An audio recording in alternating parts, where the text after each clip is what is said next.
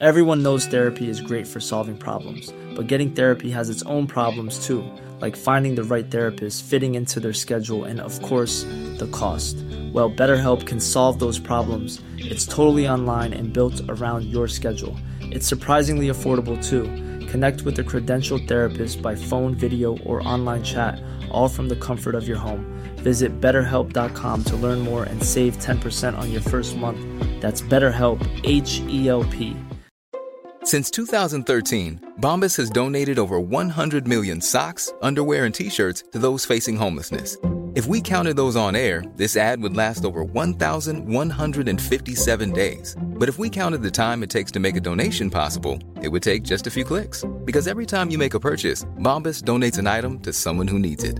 Go to bombas.com slash ACAST and use code ACAST for 20% off your first purchase. That's bombas.com slash ACAST, code ACAST. Here's a cool fact a crocodile can't stick out its tongue. Another cool fact you can get short term health insurance for a month or just under a year in some states. United Healthcare short term insurance plans are designed for people who are between jobs, coming off their parents' plan, or turning a side hustle into a full time gig. Underwritten by Golden Rule Insurance Company, they offer flexible, budget friendly coverage with access to a nationwide network of doctors and hospitals. Get more cool facts about United Healthcare short term plans at uh1.com. Välkommen! Alla avsnitt finns redan på Podplay. Där går jag igenom till exempel hur spanska sjukan påverkade världen. 10 fakta om det något udda landet Nordkorea, explosionen som skedde i Beirut och mycket mer. Som sagt, lyssna på alla avsnitt direkt via podplay.se eller i appen. Nu kör vi! Explosionen i Beirut. Hur gick det till? Det ska vi ta reda på idag. Den 27 september 2013 lämnade ett lastfartyg, MV Rosos, hamnen i Batumi, Georgien för att åka till Beira i Mosambik. Ombord på fartyget fanns 2750 ton av ammoniumnitrat. Ammoniumnitrat används främst till konstgödsel och bombtillverkning. Själva transporten hade beställts av ett afrikanskt företag där ammoniumnitratet skulle användas för sprängningar i samband med gruvarbete i Mosambik. Den 21 november kom fartyget till hamn i staden Beirut som ligger i Libanon. Varför fartyget valde att stanna där är omdiskuterat. Vissa källor hävdar att det var på grund av tekniska problem med fartyget. Och andra källor hävdar att ägaren till fartyget inte hade tillräckligt mycket pengar för att betala tullavgifter för Suezkanalen som de skulle åka igenom senare. Och försökte då tjäna lite extra pengar genom att se om fartyget kunde frakta tunga maskiner från Beirut. Maskinerna lastades ovanpå dörrarna som leder ner till lastutrymmet där ammoniumnitratet fanns. Vikten av maskinerna skadade dörrarna och även en del av skeppet. Skeppet blev tvunget att inspekteras av hamnstatskontrollen. Efter inspektionen så ansågs skeppet vara odugligt och förbjöds att åka vidare. Och för att göra en lång historia kort så gick ägaren till skeppet i konkurs och Beiruts hamnmyndighet beslagtog skeppet den 4 februari 2014 på grund av cirka 100 000 dollar i obetalda räkningar från hamnavgifter. Och nu kanske man undrar, varför berättar jag det här? Varför är det här intressant? Jo, för att efter beslutet om att beslagta skeppet så tog man skeppets last i land och ammoniumnitratet placerades i en byggnad, lager 12, vid hamnen. Och just då hade man ingen aning om vad det här skulle ställa till med sex år senare.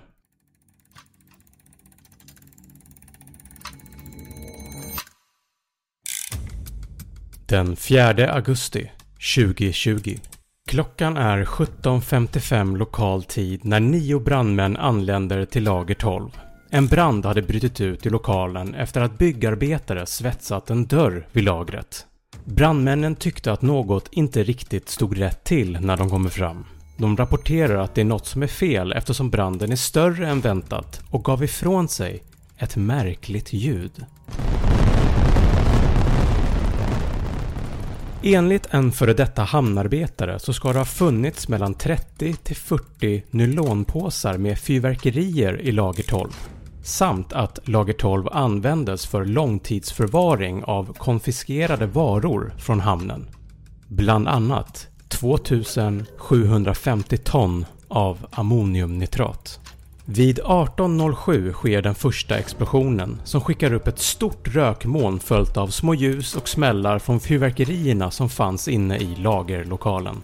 Många människor hinner få upp sina mobilkameror och filmar hela händelsen.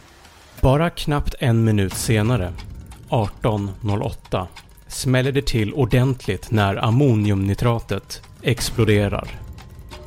Hela centrala Beirut sätts i gungning. Inom en kilometer är tryckvågen så kraftfull att den blåser ut möbler från byggnader ut på gatorna. Ett flertal byggnader i närheten totalförstörs. Bilar kastas omkull, båtar ute vid hamnen får slagsida. Inom 3 kilometer förstörs ett flertal byggnader och vid 5 kilometer så kunde man känna hur marken gungade och ljudet från explosionen var öronbedövande. Tryckvågen var så kraftfull att fönster krossas till och med i byggnader som befann sig 10 kilometer bort. Explosionen mätte mellan 3,3 och 4,5 på Richterskalan som används för att mäta styrkan hos jordbävningar. Inom hamnområdet förstörde explosionen en del av kustlinjen och lämnade en krater på ungefär 124 meter i diameter och 43 meter djup. Explosionen kändes i hela landet. Även i norra Israel och till och med ända bort till Cypern som ligger 24 mil bort kändes smällen. Specialister från University of Sheffield i England uppskattar att explosionen var en av de största icke-kärnkraftsexplosioner i historien. En av stadens största medicinska anläggningar, St. George Hospital, var mindre än en kilometer från explosionen och skadades så mycket att personalen fick behandla patienter på gatan. Fyra sjuksköterskor dog direkt vid explosionen.